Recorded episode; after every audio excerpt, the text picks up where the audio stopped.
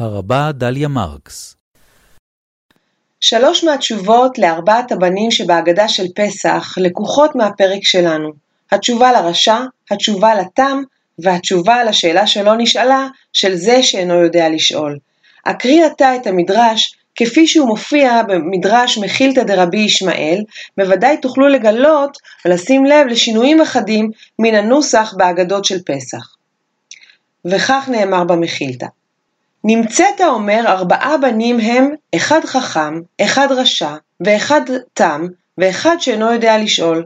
חכם, מה הוא אומר?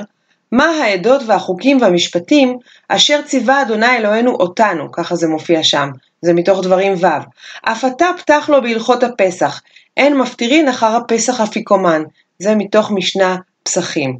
רשע, מה הוא אומר? מה העבודה הזאת לכם? והשאלה הזאת לקוחה מהפרק הקודם, משמות י"ב.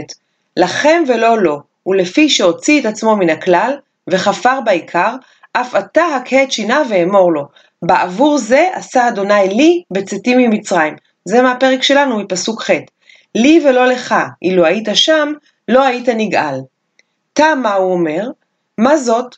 זה גם מהפרק שלנו מפסוק י"ד, והתשובה היא גם כן לקוחה מהפרק שלנו, ואמרת אליו, בחוזק יד הוציאנו אדוני ממצרים, מבית עבדים. ושאינו יודע לשאול, את פתח לו, והגדת לבנך ביום ההוא, לאמור, בעבור זה עשה אדוני לי בצאתי ממצרים. וזה גם כן מהפרק שלנו, מפסוק ח'. מדרש ארבעת הבנים שבהגדה הוא עדות לתפיסה החינוכית הפדגוגית של חז"ל. יש לחנך את הילדים, לחנוך אותם לתורה, ויש ללמד אותם, וכל אחד ואחד מהם יש ללמד לפי סגנונו, לפי כוחו ולפי תפיסתו.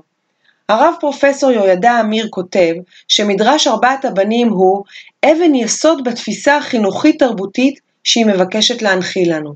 אין פלא אפוא שהמדרש עורר דיונים, הסתייגויות ופרשנויות רבות. הוא ממשיך ואומר, רבים חשים גם אי נוחות מתיוג הילדים השונים, ובעיקר מעוררת קושיות דמותו של הבן הרשע. אחרים העירו, ובצדק, שבזמננו יש להוסיף על אלה את הצאצא הנהדר, זה שאינו בא כלל לסדר, ואינו חש צורך להתעמת בדרך כלשהי עם מסריו. הוא או היא אפילו אינם מתנגדים ואינם מתריסים לו. כיום יש המבקשים להכליל גם את הבנות, ומדרשים אחדים נכתבו גם על ארבע הבנות. וכאן נאה גילוי נאות, אף אני חיברתי מדרש כזה עם חברתי, הרבה דוקטור תמר דובדבני, אלא שאצלנו אין בת רשעה, יש בת כועסת, יש בת שמתמרמרת על חוסר השוויון, והתשובה שעונה לה המדרש, אף אתם פרסו ידיכם לקראתה ואמרו לה, גם לך חלק בליל יציאת מצרים הזה, שנאמר, בשכר נשים צדקניות נגאלו ישראל ממצרים, זה מתוך בבלי סוטה י"א, וגם קולך ראוי לו שיישמע מתרונן בשירת החירות, שנאמר על מרים הנביאה, ותצאנה כל הנשים אחריה בתופים ובמחולות, זה מתוך שמות ט"ו. בבסיס של מדרש ארבעת הבנים, ואם תרצו גם בבסיס של מדרשי ארבע הבנות, ניצבת שאלה, ניצבת תהייה, ניצב רצון לברר, לחקור, להעמיק, ללמוד.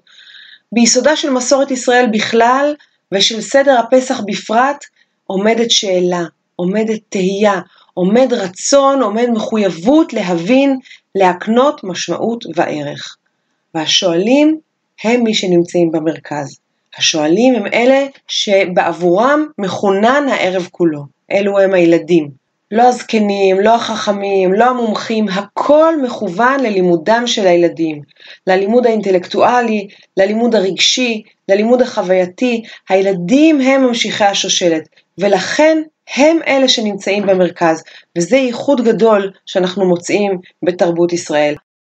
לעומת תרבויות אחרות שאנחנו מוצאים בהם את uh, תסביך אדיפוס, את ההורים שנלחמים נגד בעצם הילדים, את האבות שרואים בצאצאים שלהם תחרות, מסורת ישראל רואה את זה בדיוק הפוך, ולכן אנחנו לא נתפלא למצוא בסיום של מסכת ברכות, ולמעשה בסיום של עוד כמה מסכתות, את האמירה הבאה.